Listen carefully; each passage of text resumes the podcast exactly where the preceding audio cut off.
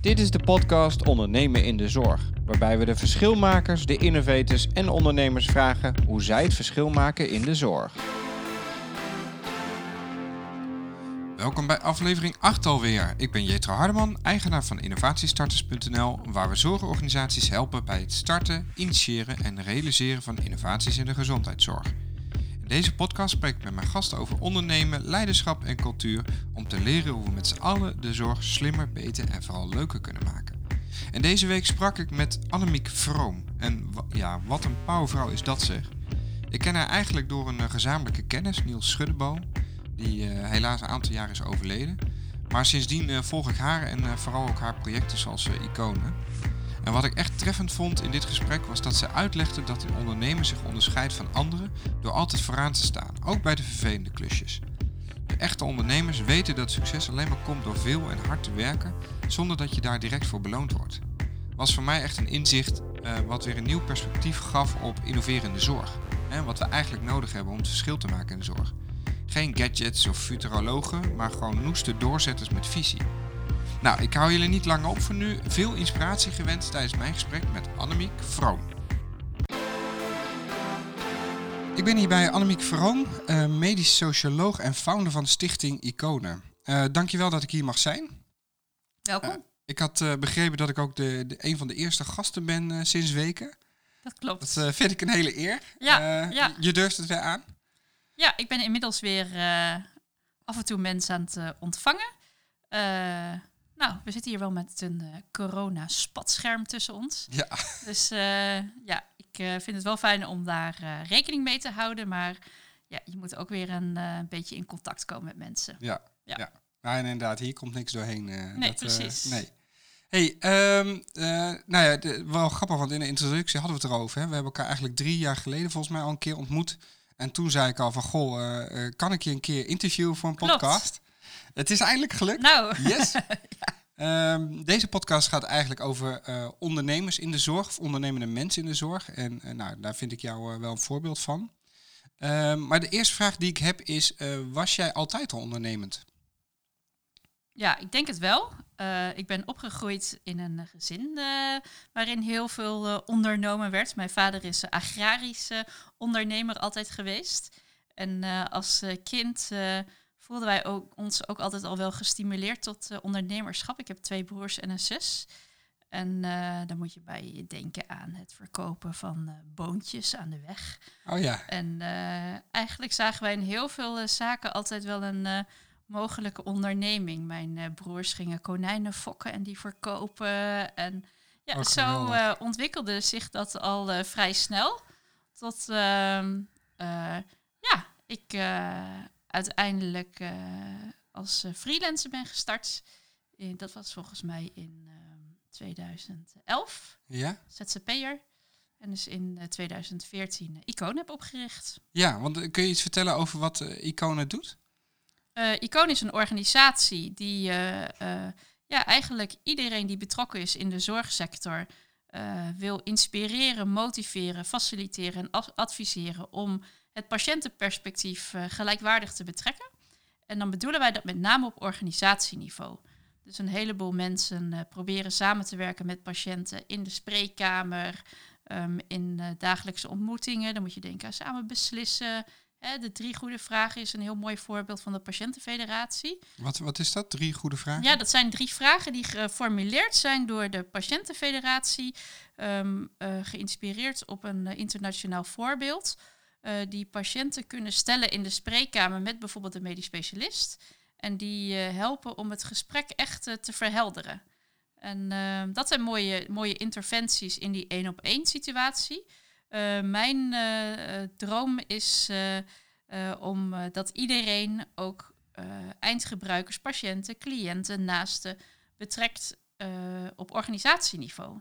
Dus al vanaf het allereerste begin van een ontwikkeling maakt eigenlijk niet uit wat, of het een innovatie is of een communicatiemiddel of een verandering in de manier waarop je de zorg inricht. de eindgebruiker betrekken. En niet als, wij doen dat niet als belangenorganisatie of als patiëntenorganisatie, maar als adviesbureau. Daarmee zijn we onafhankelijk En ehm, eh, zitten wij niet met een agenda of met een doel aan tafel, maar echt als eh, samenwerkingspartner om het geheel eh, op een hoger plan te brengen om zoveel mogelijk kwaliteit van zorg te bereiken.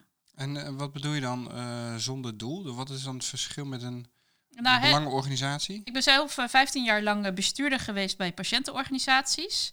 En hè, die, hebben, die werken vaak ziektespecifiek. En die hebben heel terecht ook een doel om bijvoorbeeld voor hun eigen aandoening ehm, nou, iets te bereiken. Bijvoorbeeld eh, bepaalde medicijnen op de markt te krijgen. ehm, eh, bepaalde zorgen te realiseren voor hun doelgroep. Dat is niet wat wij doen. Hè. We hebben niet van tevoren helder van waarom wij eh, eh, ergens naartoe gaan. Het enkele doel is van we willen de kwaliteit van zorg verbeteren en ehm, kwaliteit van leven van mensen ja, zo rijk mogelijk maken. En ehm, ja, wij, wij, wij zitten er echt voor de vraag van de opdrachtgever. En die vertelt ons wat hij nodig heeft en waar hij mee bezig is. En samen kijken we dan eh, of die vraag ook zo gesteld zou worden als je hem vanuit een, eh, het perspectief van de patiënt, de cliënt of eh, zijn of haar naaste benadert. En ehm, ja, hoe we daarin kunnen helpen. Ja. Ja. En ehm, waarom is dat nodig? Dus had, had een patiënt of cliënt niet de juiste rol dan in dat soort trajecten?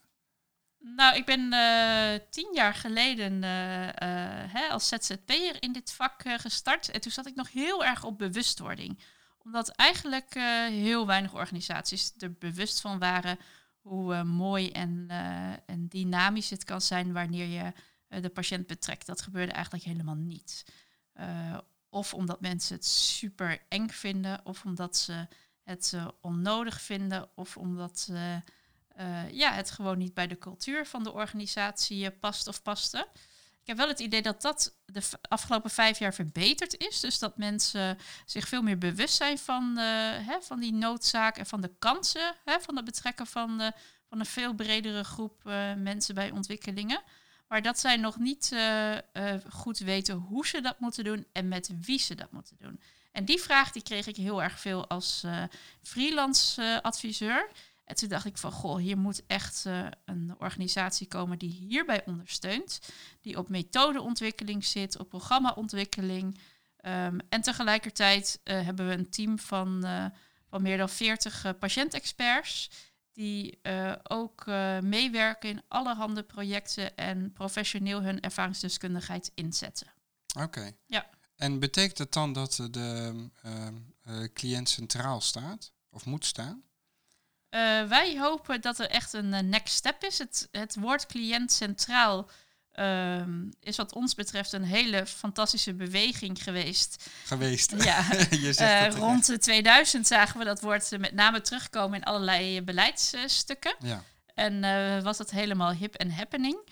Dat is nog steeds denk ik heel belangrijk om te benoemen als je het hebt over hè, dat één op één contact met die patiënt. Van goh, gaat het hier over onze organisatie of gaat het hier over de patiënt? Eh, maar wij willen echt op organisatieniveau de stap maken naar patiënt gelijkwaardig. Omdat wij denken dat dat ervoor zorgt dat je gelijkwaardig met de patiënt eh, aan tafel komt te zitten. Ehm, waarbij het ook echt eh, niet alleen dus die ehm, patiënt is die betrokken moet worden, maar dat het ook fantastisch is wanneer je methodieken inregelt waarmee ehm, patiënten in staat worden gesteld om ook die zorgprofessional te zien en, te en Ja. te luisteren. Mooi, mooi. Hè, want het gaat, het, je moet niet tegenover elkaar komen te staan. En Nee. het is niet alleen die rol van de patiënt die van belang Nee. is. Als je iets bedenkt vanuit het patiëntenperspectief waar zorgverleners kapot aan gaan, ja, waar hebben we het dan over? Dus wat ons betreft moet dat veel gelijkwaardiger zijn. Ja, dat herken ik wel. Want Ja. eh, dat was ook een van de dingen die mij de laatste jaren wel stoorde. Is dat doordat je inderdaad, doordat organisaties zo krampachtig eigenlijk vasthielden aan cliënt centraal, Mhm. leek het wel een soort mascotte te worden Ja. waar klakkeloos naar geluisterd werd. Ja, Waardoor ze na, nou ja, na een tijd zeg maar ook, eh, ook weer vastliepen, omdat het dan niet werkbaar werd. ja, precies. Dus eh, centraal is niet, niet het juiste woord. Nou, het Nee. gaat veel meer om de samenwerking Nou, vinden en ja, eh, gesprekspartner zijn. ja, ja, Ja. En ik denk dat dat ook heel erg helpt in je cultuur. Want anders ontstaat er ook een soort van allergie op dat patiënt centraal, cliënt centraal eh, zijn. Ja. En eh, ja, als je je zorgprofessionals niet meekrijgt, eh, kun je gelijk al wel stoppen. Ja, ja. Ja. klopt. Hey, en ehm, Denk je dat uh, organisaties daar op dit moment um, voldoende mee bezig zijn? Met de, de cliënt als gesprekspartner neerzetten? Ik denk wel dat ze zich er bewuster van zijn. Maar na de, dat de omslag naar het daadwerkelijk doen bij het grootste deel van de organisaties nog te veel in de vertraging zit. Dus ik denk dat er een aantal hele mooie voorbeelden zijn van partijen die dit doen. Maar dat er ook een heleboel uh, organisaties nog niet goed weten hoe ze dit moeten doen, of daar geen budgetten voor inruimen of geen energie op zetten. Um, ja, en dat kan allerlei redenen hebben. Ja. ja.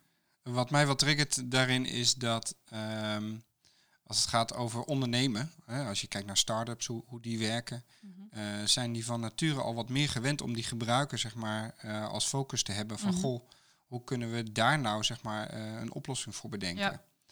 Um, toch zie ik dat nog niet zo terug in organisaties. Tenminste, ik zie ze ook zoeken naar hoe gaan we dat dan precies doen. Ja. Um, wat is jouw ervaring daarmee? Nou, ik zie dat bijvoorbeeld overheidsorganisaties daar nu ook allemaal zoekende in zijn. En uh, uh, wel proberen te formuleren hoe ze dat gaan aanpakken. Sommigen zijn dan wel een jaar bezig met een plan van aanpak te schrijven. Terwijl wat mij betreft gaat het ook heel erg over positieve ervaringen opdoen. En misschien zijn het die jonge honden in die start-ups die dat veel minder spannend vinden. En wanneer je verantwoordelijk bent voor een grote zorgorganisatie, dat je dat ja, toch wel als eh, bedreigender ervaart. Dus wat mij betreft is het heel interessant om de dialoog aan te gaan over hè, wat, wat is jouw belemmering? Waarom vind je het mogelijkerwijs spannend? Of waarom vinden jouw professionals dit spannend? En tegelijkertijd een beweging in gang te zetten om het gewoon te gaan doen. Hè, kleine stapjes te nemen en positieve ervaringen daarmee uh, op te gaan doen. Ja, ja. meer donken, denken ja. en doen tegelijk. Ja, precies. Ja. Ja, ja. Heb, je, heb je het idee dat er voldoende uh, ondernemers, friskijkers of innovatoren zijn in de zorg? Die op die manier al denken? Ja, ik denk dat er een heleboel zijn en dat het uh, niet de oplossing is om meer innovatoren in de zorg te organiseren, maar om hè, alle mensen met andere functies te inspireren en op te leiden om veel meer open te staan voor die cultuur van leren en verbeteren. En het betrekken van andere betrokkenen uit het veld. Ja. want het is niet alleen dat die patiënt of cliënt heel vaak niet betrokken wordt, maar ze kijken ook vaak niet over hun eigen organisatiegrenzen heen. En, en ja, wat wij bijvoorbeeld doen, is het uh, samen met patiënten uh, maken van stakeholder maps, of zoals wij ze in Nederland noemen, de kaart van betrokkenen. En, um, Fijn dat het vertaald is naar ja, ja. ja, en daarbij, um, ja, dat is heel interessant, hè, want als we dat doen, bij wijze van spreken in een ziekenhuis, dan zet de patiënt bijvoorbeeld de ergotherapeut heel dichtbij en de revalidatiearts veel verder weg. Nou, dat is voor die revalidatiearts in zo'n sessie dan heel verrassend. Die, denkt van, oh, maar ik dacht ik een uh, belangrijke rol hierin speelde. Ja. En dan, dan legt die, uh, die persoon dat uit van waarom die deze keuzes maakt. Dat verheldert enorm, hè, waar eigenlijk de dynamiek zit. En hoe je zo'n uh, zorgpad in zou willen vullen. Waarbij we ook natuurlijk altijd de rol van naasten en hè, andere betrokkenen heel, heel groot is. Ja. En je ziet dat patiënten heel vaak Um, als je bijvoorbeeld een stakeholder map maakt vanuit de revalidatie, die schrijven dan bijvoorbeeld ook de WMO op. Hè, want die moet het gaan vergoeden. Ja. En die schrijven ook het sociale wijkteam op, waar een persoon zit die dat indicatiegesprek doet. Of een zorgverzekeraar, of een, een uh, eh, CIZ, een, uh, een indicatieorgaan.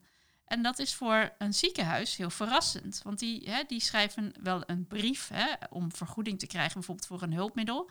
Maar die zijn zich niet bewust in wat voor web en netwerk van betrokkenen de patiënt zich begeeft en waar die allemaal mee van doen heeft. En als je daar hè, uh, door juist die uh, gelijkwaardige samenwerking veel meer achter komt, kan je volgens mij dat proces veel efficiënter inrichten en veel meer kwaliteit bereiken. Ja, maar wat, wat voor type, um, want je zei van hè, er, niet zozeer meer innovatoren erin, maar misschien eigenlijk iedereen wat meer leren. Mm -hmm. um, wat zouden dan de belangrijkste lessen zijn die mensen moeten leren qua ondernemerschap? Ik nou, hoor je zeggen van in ja. ieder geval hè, de, de, stakeholder, dus kijken ja. welk netwerk.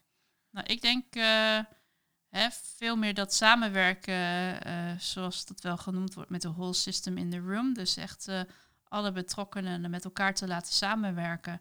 En eh, daarin methodes gebruiken waarin je probeert los te komen van je eigen rol of functie. Dat dat wel eh, essentieel is. Hè. Dat, dat zie je ook in dat hele, die transformatie naar zorg op afstand. Dat er bijvoorbeeld een discussie ontstaat over zijn het onze eigen verpleegkundigen die deze zorg gaan leveren of zijn het wijkverpleegkundigen? En kan een wijkverpleegkundige dat wel? Nou ja, eh, wat is er mis mee om gewoon met elkaar aan tafel te gaan zitten, elkaar te leren kennen en eh, kijken van, goh, waar zit jullie specialisme, waar zit dat van ons en hoe kunnen we dat samen inregelen? En op andere manier is er heel veel schroom om eh, buiten je eigen organisatie te kijken. Terwijl dat volgens mij super gaaf en interessant is. En dat je daardoor een nieuw vizier krijgt, een nieuwe energie ook.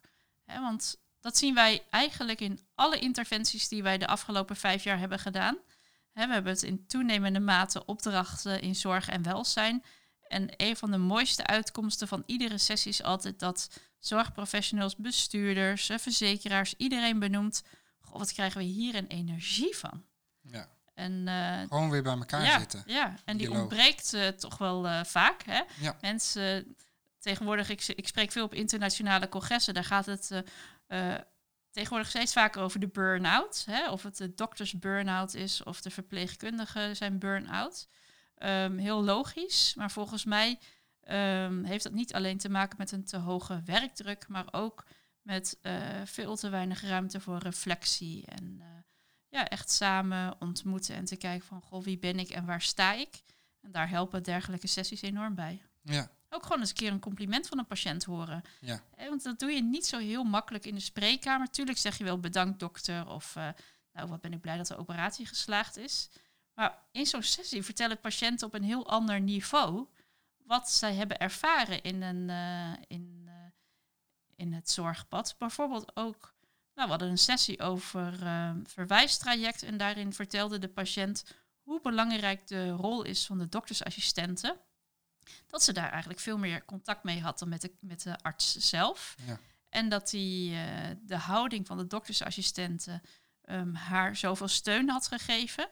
In die sessie zat die medisch specialist ook aan tafel. Die had zich nog nooit gerealiseerd dat die eh, rol zo belangrijk was. Eh, die doktersassistenten zei, ik ben in twintig jaar nooit betrokken geweest bij organisatie van de zorg. De patiënten hebben mij uitgenodigd. Het is voor de eerste keer dat ik iets mag zeggen. Dus die was echt, eh, die moest huilen. En die, eh, die medisch specialist zei, wow, ik ga jou expliciet bedanken. Maar morgenochtend alle assistentes op de poli eh, bedanken voor hun rol en de impact die zij maken voor patiënten. Ja. Nou, dan heeft iedereen kippenvel en denk je, wow, hier doen we het voor. Ja, Ja. ja. mooi, mooi. Ja, Hey, ik, ik heb je ook gevraagd om een persoonlijkheidstest in te vullen. Ja. om een beetje erachter te komen van, god, die ondernemende mensen, hoe zitten die dan precies in elkaar? ja, Eh, dank daarvoor. Wat mij met name opviel was eh, nou, dat je erg ruimdenkend bent. Eh, Mhm. Je scoort daar 93% eh, op. En dus ook de voorkeur geeft aan experimenten en conceptuele oplossingen. Hoe helpt dat jou in het ondernemerschap? ja, ik denk dat je als ondernemer een ontzettend open houding nodig hebt. Hè, dat samenwerken je altijd verder helpt. En dat het belangrijk is om eh, waardering te hebben voor ieders perspectief.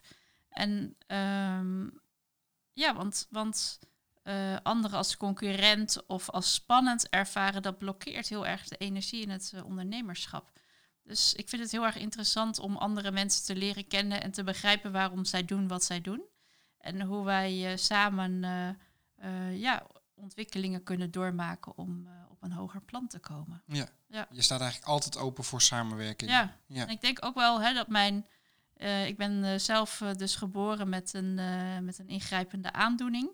En in mijn leven heb ik bijvoorbeeld wel eens anderhalf jaar in een revalidatiecentrum gewoond. Ja. Waarin je echt op een groep, bijvoorbeeld als jongere, ik was 18 jaar, op een groep gewoond met twintig andere jongeren met allerhande aandoeningen. Maar ook uit allerhande eh, sociale contexten. En hè, waar je soms wel eens een oordeel over had. Of eh, hè, iemand echt uit een lager economische eh, status met complexe problematiek. En als je gewoon een half jaar met iemand samenwoont, denk je, wow, wat zit daar een fantastisch mooie jongen achter. Ja. En dat heeft mij zo geholpen om ja, heel vrij en ruimdenkend de wereld in te gaan. En ieder te waarderen om wie die is. En eigenlijk zou je, zou je ieder met zo'n ervaring gunnen. gunnen. Ja. Ja, ja, liever niet alle pijn die erbij komt eh, fysiek, maar de ervaring om zo, eh, zo, eh, met zoveel diversiteit samen te wonen en samen te leven is fantastisch. ja, Ja. ja. ja. En heeft jouw aandoening in die zin sowieso invloed gehad op jouw ondernemerschap? Ja, ik denk eh, dat je als ondernemer een onvoorstelbare doorzetter moet zijn. Tenminste, wel hoe ik het heb ingericht. Hè? Want ik heb ervoor gekozen om Iconen als onafhankelijk eh, adviesbureau op te zetten. Dat betekent dat wij eh, geen aanspraken maken op eh, subsidies zoals die bijvoorbeeld bestaan voor patiëntenorganisaties. Dus je moet, eh, we zijn er gewoon met 0 euro begonnen en ik heb elke avond tot 12 uur zitten werken achter mijn bureau. En dat heeft drie jaar lang geduurd voordat wij zeg maar, op het niveau zaten dat ik mensen in kon huren om eh, bij wijze van spreken declaraties in te scannen of bonnetjes. eh, ja, ja, ja. eh, dus je zit gewoon. eh 80% van de klussen die je doet zijn niet leuk. Hè? Dat is gewoon, vind ik ook rotwerk. ja. En 20% is leuk. Er zit mijn passie op. En dat resoneert aan mijn roeping die ik hierin voel. En ik denk dat mijn ziekte, ja, waar ik dagelijks mee leef, ook die, dat doorzettingsvermogen vraagt.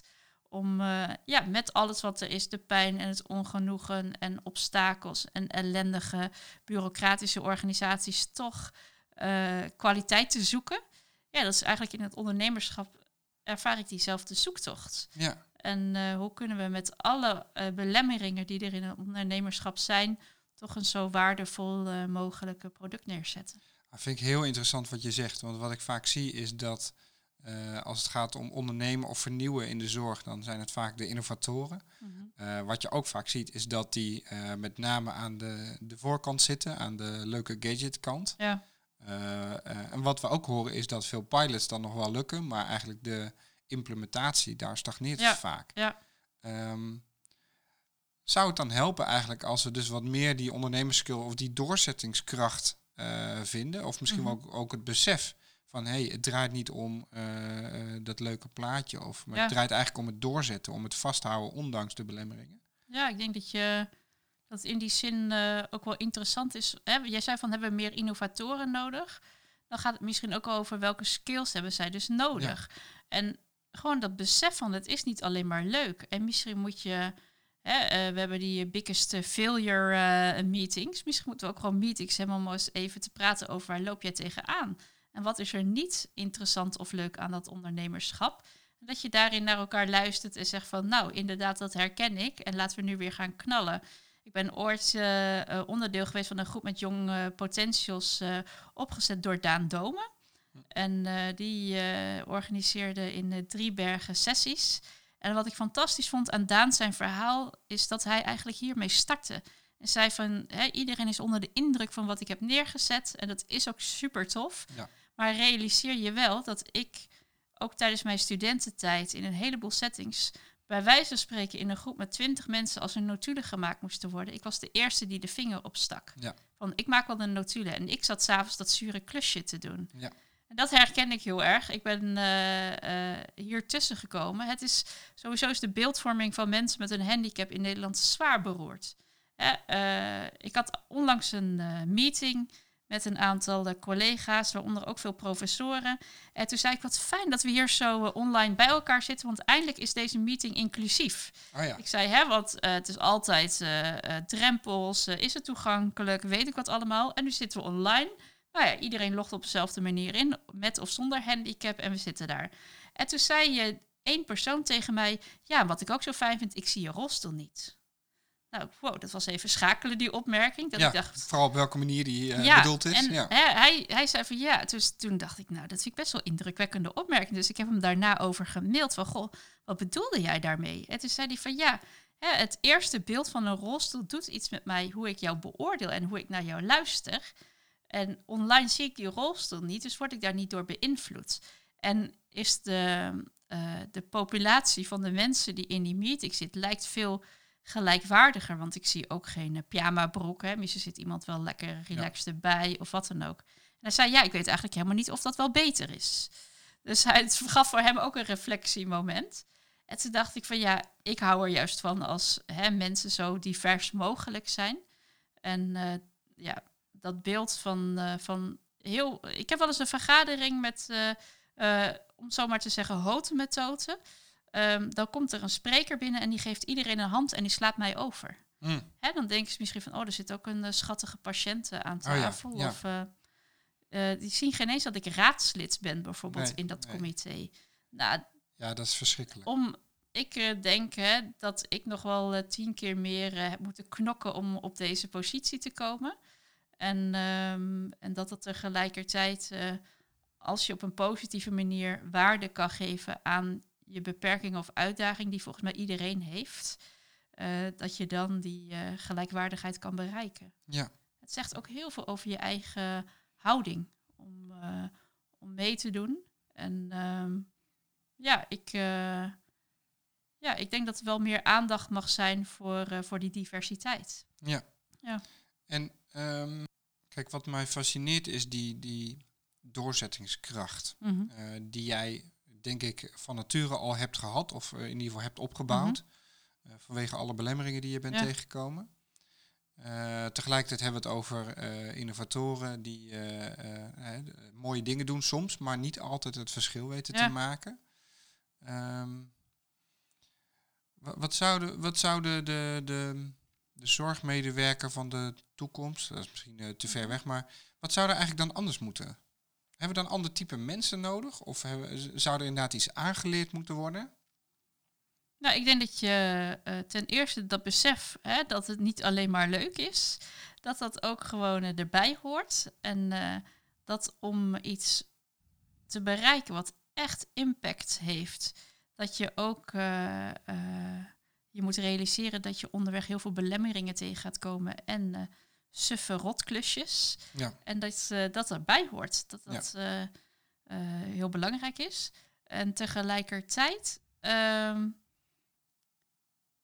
ja, ik denk dat, dat je veel meer de kleine successen moet kunnen vieren.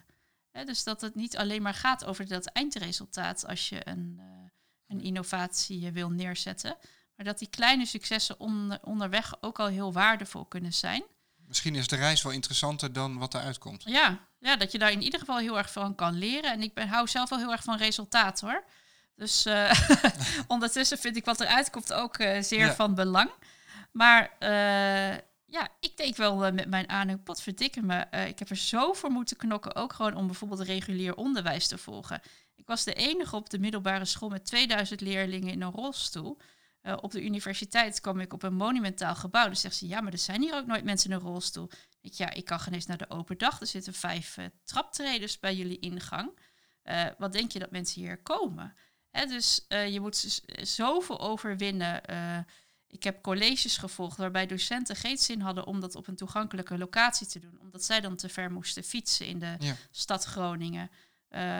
Ik heb zo moeten knokken. En ik denk, ja, volgens mij mogen we ook wel gewoon iets meer uh, de kiezen op elkaar en ervoor gaan. Ja. ja. En toch, advocaat van de duivel, ik denk dat er ook genoeg patiënten zijn die ehm, het erbij laten zitten. Mm -hmm. Die denk ik niet zo hard knokken om, om zo ver te komen. Mm -hmm. Dus ergens denk ik, um, um, heeft het zeg maar voor jou gezorgd, denk ik, voor een, ook een soort extra gave misschien wel. Mm -hmm. Um, maar dat is niet aan iedereen gelegen. Nee, en dat hoeft ook niet. Hè? Ik bedoel, ik, ik vind het ook niet. Uh, ik kan ook heel erg goed begrijpen als je die uh, kracht en die spirit niet kan vinden. Hè, want er moet ook iets, een bedding zijn die jou ondersteunt om daar continu ja. bij te kunnen komen. Is en, daarin je opvoeding dan be belangrijk geweest? Ja, dus ik denk wel dat ik heb echt uitzonderlijk positieve ouders. Ah, dat is belangrijk. Dus ja. die hebben mij daar enorm in gestimuleerd. En die zijn, hebben zelf daar ook altijd het goede voorbeeld in gegeven. En zijn ook altijd verbindend gebleven. Hmm. Want je kan met een, uh, met een aandoening als deze, waar je met name ook te maken hebt met onvoorstelbaar veel bureaucratie, ook heel erg in een uh, zeikneusstemming komen of in uh, woede of ja. in frustratie. En um, ja, ik denk dat mijn ouders wel personen zijn die altijd hebben laten zien van dat de verbindende eh, houding eh, je verder brengt. En ja, dat is denk ik ook een houding die eh, sowieso in het leven mensen verder helpt. Maar dat het ook ongelooflijk shit is als je met een dergelijke aandoening geboren bent en je niet ehm, in die omstandigheden opgroeit. En misschien niet de sociale of de economische context hebt om groei door te maken. En dan, ja, het is niet per se noodzakelijk om een hoogvlieger te zijn. Ik bedoel, zou niet best zijn als iedereen eh, Nee. is, eh, aan de gang is zoals Annemiek Vroom dat doet. Want Nee, dat zou is ook niet dan had je veel concurrentie ja, gehad. Ja. precies. Ja, en eh, het is ook gewoon geweldig om ieder met zijn eigen talent en eigen manier van werken ehm, ja, te kunnen verbinden. Ja. Hey, wat er ook uit de test kwam was dat je erg zorgvuldig en nauwkeurig bent, 91%. Mhm. Ehm, kan het je ook afremmen in nieuwe plannen of ideeën? Nou, ik moest er ook wel een beetje om lachen, want eh, eh, mijn eh, personeel wordt een beetje ge- gek van mijn chaos. Ja? Dus ik moet... Kijk, ik bijvoorbeeld... Als ze je zeggen dat hele slimme mensen inderdaad vaak chaotisch zijn, omdat ze het aankunnen. Bijvoorbeeld mijn Dropbox is afschuwelijk. Als jij naar mijn mappen... Nee, er is geen mappenstructuur. dat is de Dus, structuur. eh, ja, dus het, ik moest een beetje lachen op deze, deze uitkomsten. Tegelijkertijd, ik denk dat die uitkomst is ontstaan. Want ik ben super punctueel bijvoorbeeld in afspraken. Bijvoorbeeld als ik een afspraak met iemand heb om, eh, vijf over, eh, om, om elf uur en die is er om vijf over elf nog niet. Ja, dat, daar hou ik niet van. Ik zou Nee. dat bij iemand anders nooit doen. nee. Dus ik eh, ben altijd twee minuten van tevoren aanwezig. Ik ben altijd super goed voorbereid. Een van de vragen hè, in die test was van ben je altijd voorbereid? Als ik naar een vergadering ga voor bijvoorbeeld de kwaliteitsraad van het zorginstituut waar ik in zit. Ja, ik heb alle stukken gelezen. Ik, ik weet precies waar het over gaat. Ja, En dan ben ik dan ook heel, ik kan dat heel snel, maar ik ben wel goed voorbereid. ja. Ja. ja. Maar het belemmert je niet in nieuwe plannen of ideeën. Je hebt wel de ruimte dan nog om eh, Ja, vrij want te ik ben denken. dus, ik denk dat die eh, polariteit die hierin bestaat, mijn chaotische kant, om ook gewoon eh, alles los te kunnen laten en een Dropbox eh, chaos aan te kunnen. Ja, ik heb er geen last van. Ik, ik, hebben de zoekfunctie. Ik vind het altijd wel weer. Ja, Dus eh, eh, het is heel handig hoor. Want eh, dat is ook een generatieding, hè, volgens mij. Nou, een collega van mij, eh, die is eh, een van mijn eh, teamleden, is een stuk jonger. Die is super gestructureerd. Die heb ik ook in de sollicitatie daar met nadruk op uitgekozen. Want het is heel fijn om in je team dan ook iemand te hebben die heel gestructureerd Ja. is.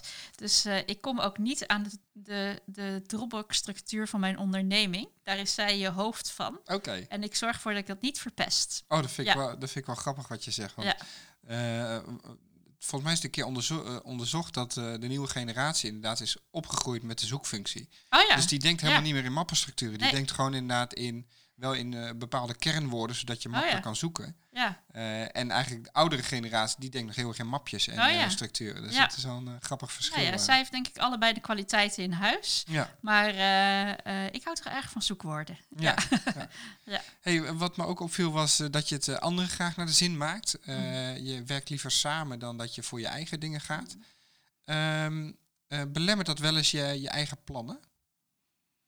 Mm, ik denk eh, uiteindelijk niet. Ik vind het, eh, eh, ik vind het heel belangrijk bijvoorbeeld dat de teamleden in onze organisatie zich heel erg goed voelen, zich op hun plek voelen. En ehm, ja, als dat ervoor zorgt dat een product later opgeleverd wordt of anders opgeleverd wordt. en volgens mij mag het nooit ten koste gaan van, van personen. En ik vind het heel erg belangrijk om iedereen te zien. En eh, in onze organisatie, hè, wij werken ook met een heleboel ervaringsdeskundigen met allemaal unieke uitdagingen.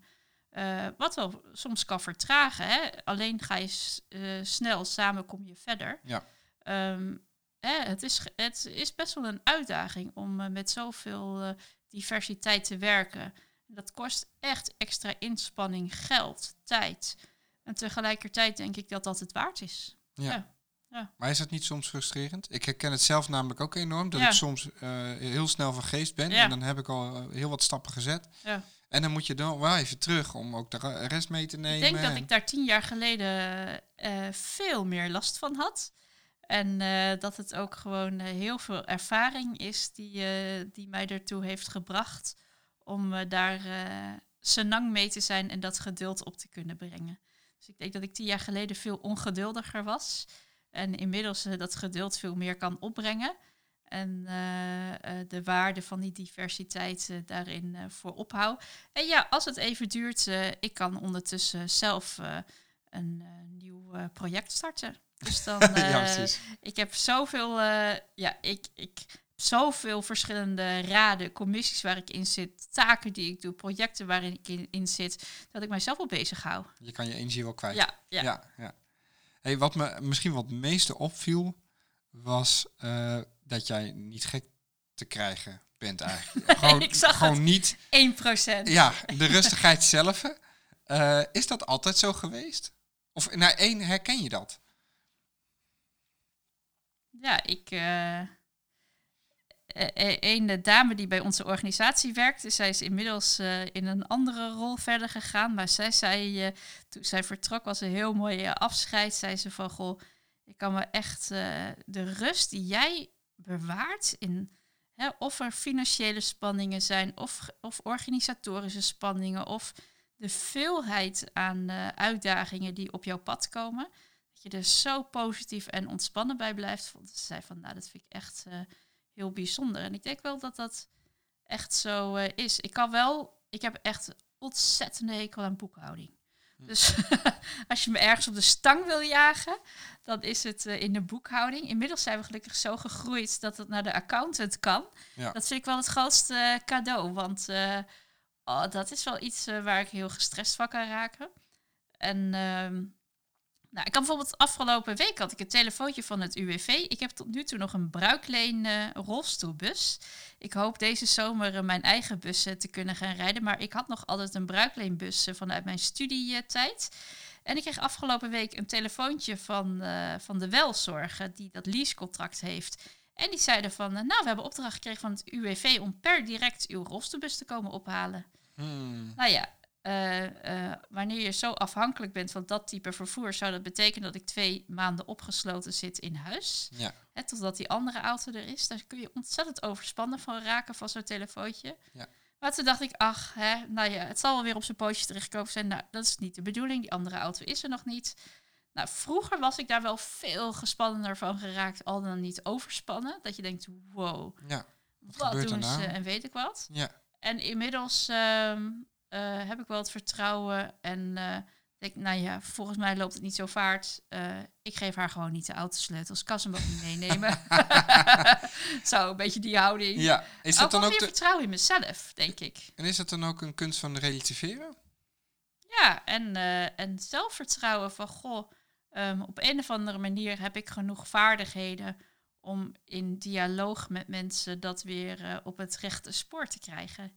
Terwijl ik vroeger voelde ik me toch wel veel. Ik, ja, je hebt toch, het zijn allemaal autoriteiten, heel veel hiërarchie hè, in die zorg. Ja. En uh, uh, dan ben je zo snel onder de indruk van wanneer iemand zoiets uh, tegen je zegt. Tegenwoordig voel ik mij daar, heb ik meer zelfvertrouwen daar, denk ik, in. Ja. Is dat ook iets wat, wat misschien meer zou mogen in de zorg? Daar herken ik wel dat er zijn talloze goede ideeën vanaf de werkvloer. Ja. op een of andere manier komen ze niet naar boven door allerlei oorzaken. Maar vaak is ook wel een veel gehoorde van ja, het mag niet van de manager. Of nee. uh, überhaupt, ik durf het niet te vertellen. Of ik schaam me ervoor. Of wat als het niet lukt. Ja. Um, ik denk dat ook heel veel mensen die hoger in de organisatie zitten, om het zo maar te zeggen, zich niet realiseren hoe er tegen hun opgekeken wordt. Ja. Hè, want ik weet nog, als bijvoorbeeld het ministerie van VWS. Uh, tien jaar geleden was ik manager van wetenschap voor patiënten en hadden we een afspraak met een bepaalde afdeling bij VWS. Nou, we vonden dat spannend en we dachten, wow, hè, een ivoren toren waar we naartoe gaan en dit is onze kans. En wat zouden ze van vinden? We waren echt super voorbereid en heel veel spanning bij die afspraak. Die dame met wie ik toen een afspraak had, die spreek ik nu heel regelmatig in het kader van allemaal andere projecten. Daar zit ik nu zo ontspannen en gelijkwaardig mee aan tafel. En ik denk nu, wat was het onvoorstelbaar jammer dat wij destijds niet door hadden of niet konden ervaren dat dat zo, uh, zo fijn kan zijn, zo'n gesprek, en zo gelijkwaardig. En, en dat je uh, veel dichter bij elkaar kan komen als dat zelfvertrouwen er is. En ik denk dat hè, mensen die eh, manager zijn of eh, bestuurder in organisaties eh, zich wel mogen realiseren dat dat zelfvertrouwen er gewoon heel vaak niet is. Nee. En dat je met elkaar een cultuur hebt georganiseerd waarin het zo spannend kan zijn om eh, ideeën te pluggen. En wat, wat kunnen ze daar dan aan doen? Want het, het- ja, Ja, zelf gewoon ook gewoon een veel opener houding hebben en niet zo eh, bang zijn. Ik, ik, wij stellen een heleboel ziekenhuizen voor van hang een bord aan de muur waar gewoon patiënten ideeën op kunnen plakken. Eh, of gewoon, eh, we willen ook heel graag bij wijze van spreken een soort van man bij het hond hokje bouwen voor Ja. organisaties. Waar patiënten een videoboodschap in kunnen spreken. Het zij een compliment voor een dokter of een opmerking over eh, de wc's of weet ik wat. Willen ze niet, vinden ze eng, vinden ze spannend. Al- als het al niet het privacyprobleem is, is het al iets anders. ja, ja. En ik denk, ja, wat kan er misgaan? Dus aan beide kanten denk ik meer vertrouwen in elkaar hebben. Dat kan volgens mij alleen maar door goede voorbeelden en klein en voorzichtig te beginnen. En te zien dat de wereld en je organisatie niet in gaan storten. Nee. En dat Eh. fouten ook prima zijn. Ja, dat en dat ook- iedereen ze ook maakt. Hè? In Ja. die zin eh, lijkt het Nou. altijd alsof eh, sommige mensen die niet maken, maar Nou, iedereen maakt ze. Ja, Ja, en dat je ook, ja, als er in onze organisatie iets fout gaat of bij een teamlid, dan, ja, ik denk dat dat, dat is helemaal niet erg. Zeg ik, oh, nou ja, kan gebeuren. En wat kunnen we nu gaan doen? Ja. Dus ja, die houding wat ontspannender daarin zitten. Ik moet dan denken aan eh, een, een boekje wat ik ooit tijdens mijn opleiding heb gelezen. En dat ging over probeerruimte. Ja, En, en dat is volgens mij waar het eigenlijk continu Nou. over gaat. Hè? Van Nou. hoeveel probeerruimte heb je nou als medewerker of als manager of als bestuurder om eh, wel te blijven leren? Ja. Want volgens mij gaat het ook niet altijd om. En daar zit natuurlijk een soort spanning. Als het misgaat, vooral in de medische hoek, ja, dan eh, voor je het weet word je aangeklaagd of Ja. gebeurt er iets heftigs. ja, Eh, maar er zit altijd een probeerruimte Nou. in wat je wel kan proberen. En nou, zodat je het kan hebben over leren. In plaats van Ja. het gaat goed of het gaat fout. ja. In die zin is denk ik ook heel interessant om patiënten meer te betrekken. Want ehm, hè, wij, wij zijn ook wel betrokken bij bijvoorbeeld inregelen van klachtenfunctionarissen en die afdelingen. En wij zeggen ook, hè, eh, ten eerste zie je dat heel veel vraagstukken over communicatie gaan. En dat patiënten helemaal niet zo, eh, zo eh, enorm agressief zijn. Of, nee. Hè, Nee. Maar dat ze gewoon heel graag een gelijkwaardige dialoog willen. En het Aan dezelfde kant staan eigenlijk. ja, en Ja. het woord klachtenfunctionaris is al heel erg sturend. Ja. Hè, als je gewoon zegt, we hebben hier een eh,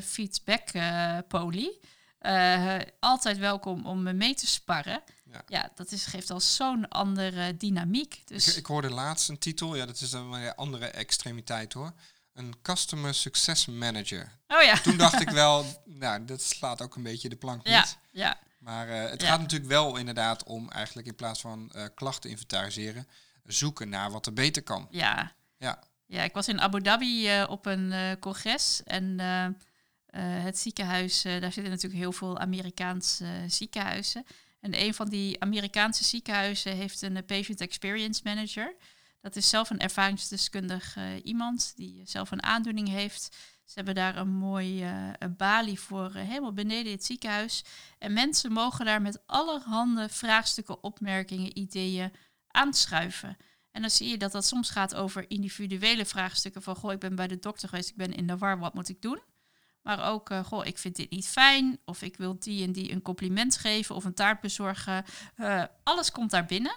Het is geweldig. Het is een ontzettend een mooie open cultuur. ja. Ja, Cultuur is in die zin dus heel belangrijk als het gaat om vernieuwing of eh, het beter maken van je organisatie. ja ik denk wel echt cultuur. de essentie. Ja. Ja. Welke ondernemende eigenschappen zou jij zorgverleners nog meer willen gunnen? Ik denk dat een heleboel eh, ondernemers ook wel optimistisch zijn. Dus eh, gewoon eh, optimistisch blijven en energie kunnen aanspreken. Dus ik gun het wel zorgprofessionals. Sommigen zijn zo ondergelopen door bureaucratie, papierwinkel, te veel druk op de schouders. En ja, ik denk dat die dat het ontzettend tof is als je op een of andere manier de zorg zo kan inrichten dat mensen energie eh, kunnen blijven aanspreken. Ja, Ja, en optimisme. Ja. op- optimisme. En ik hoorde je natuurlijk ook al zeggen doorzettingskracht. Ja, En ook een soort van, eh, ik, ik weet niet of ik het goed omschrijf, maar in ieder geval niet eh, angstig voor hiërarchie. Nee, Dus gewoon mens tot mens en gewoon durven. ja, precies. Lef hebben. Ja. Ja, ja. Welke, ehm, ehm, welke levenslessen heb jij gehad die jou helpen in het ondernemerschap?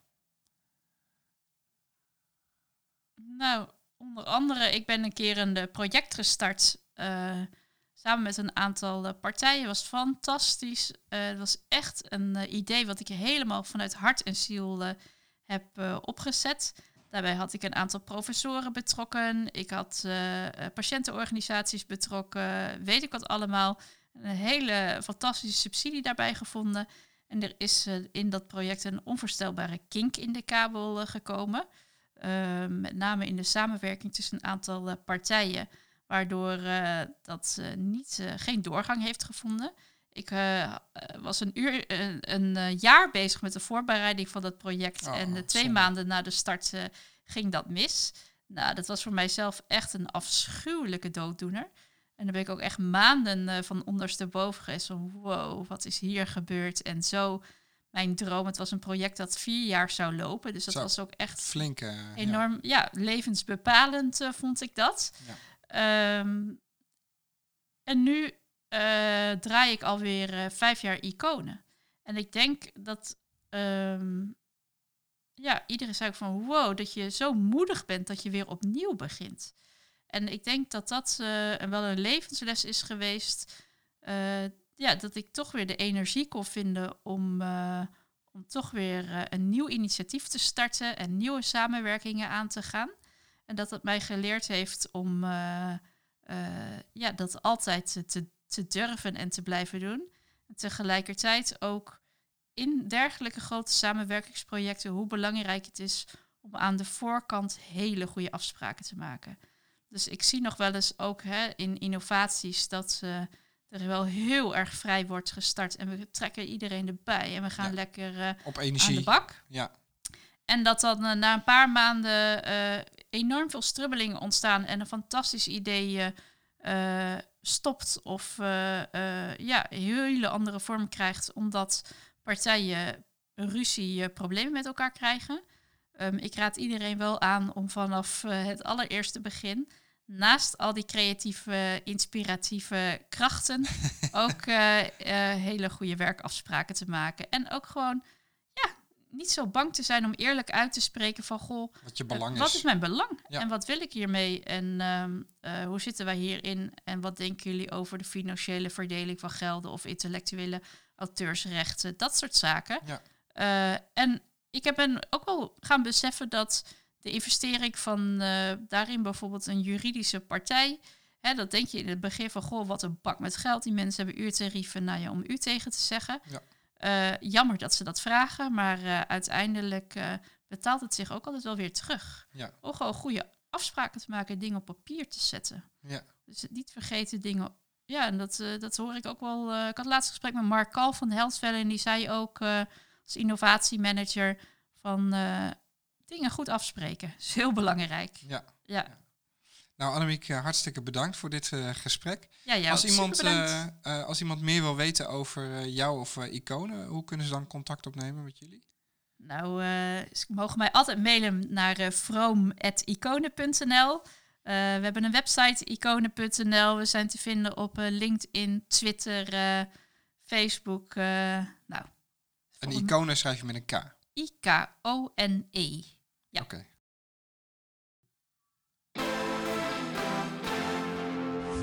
Dank jullie wel voor het luisteren naar deze aflevering. Ben je nou geïnspireerd door deze aflevering en wil je ook op een gestructureerde manier werken aan vernieuwing binnen de zorg? Of heb je een andere vraag, tip of verzoek? Stuur me dan een mailtje naar info.innovatiestarters.nl En vind je deze podcast interessant? Laat dan een review achter op iTunes. Daar ben ik altijd heel erg blij mee. Tot de volgende keer en laten we met z'n allen de zorg slimmer, beter en vooral leuker maken.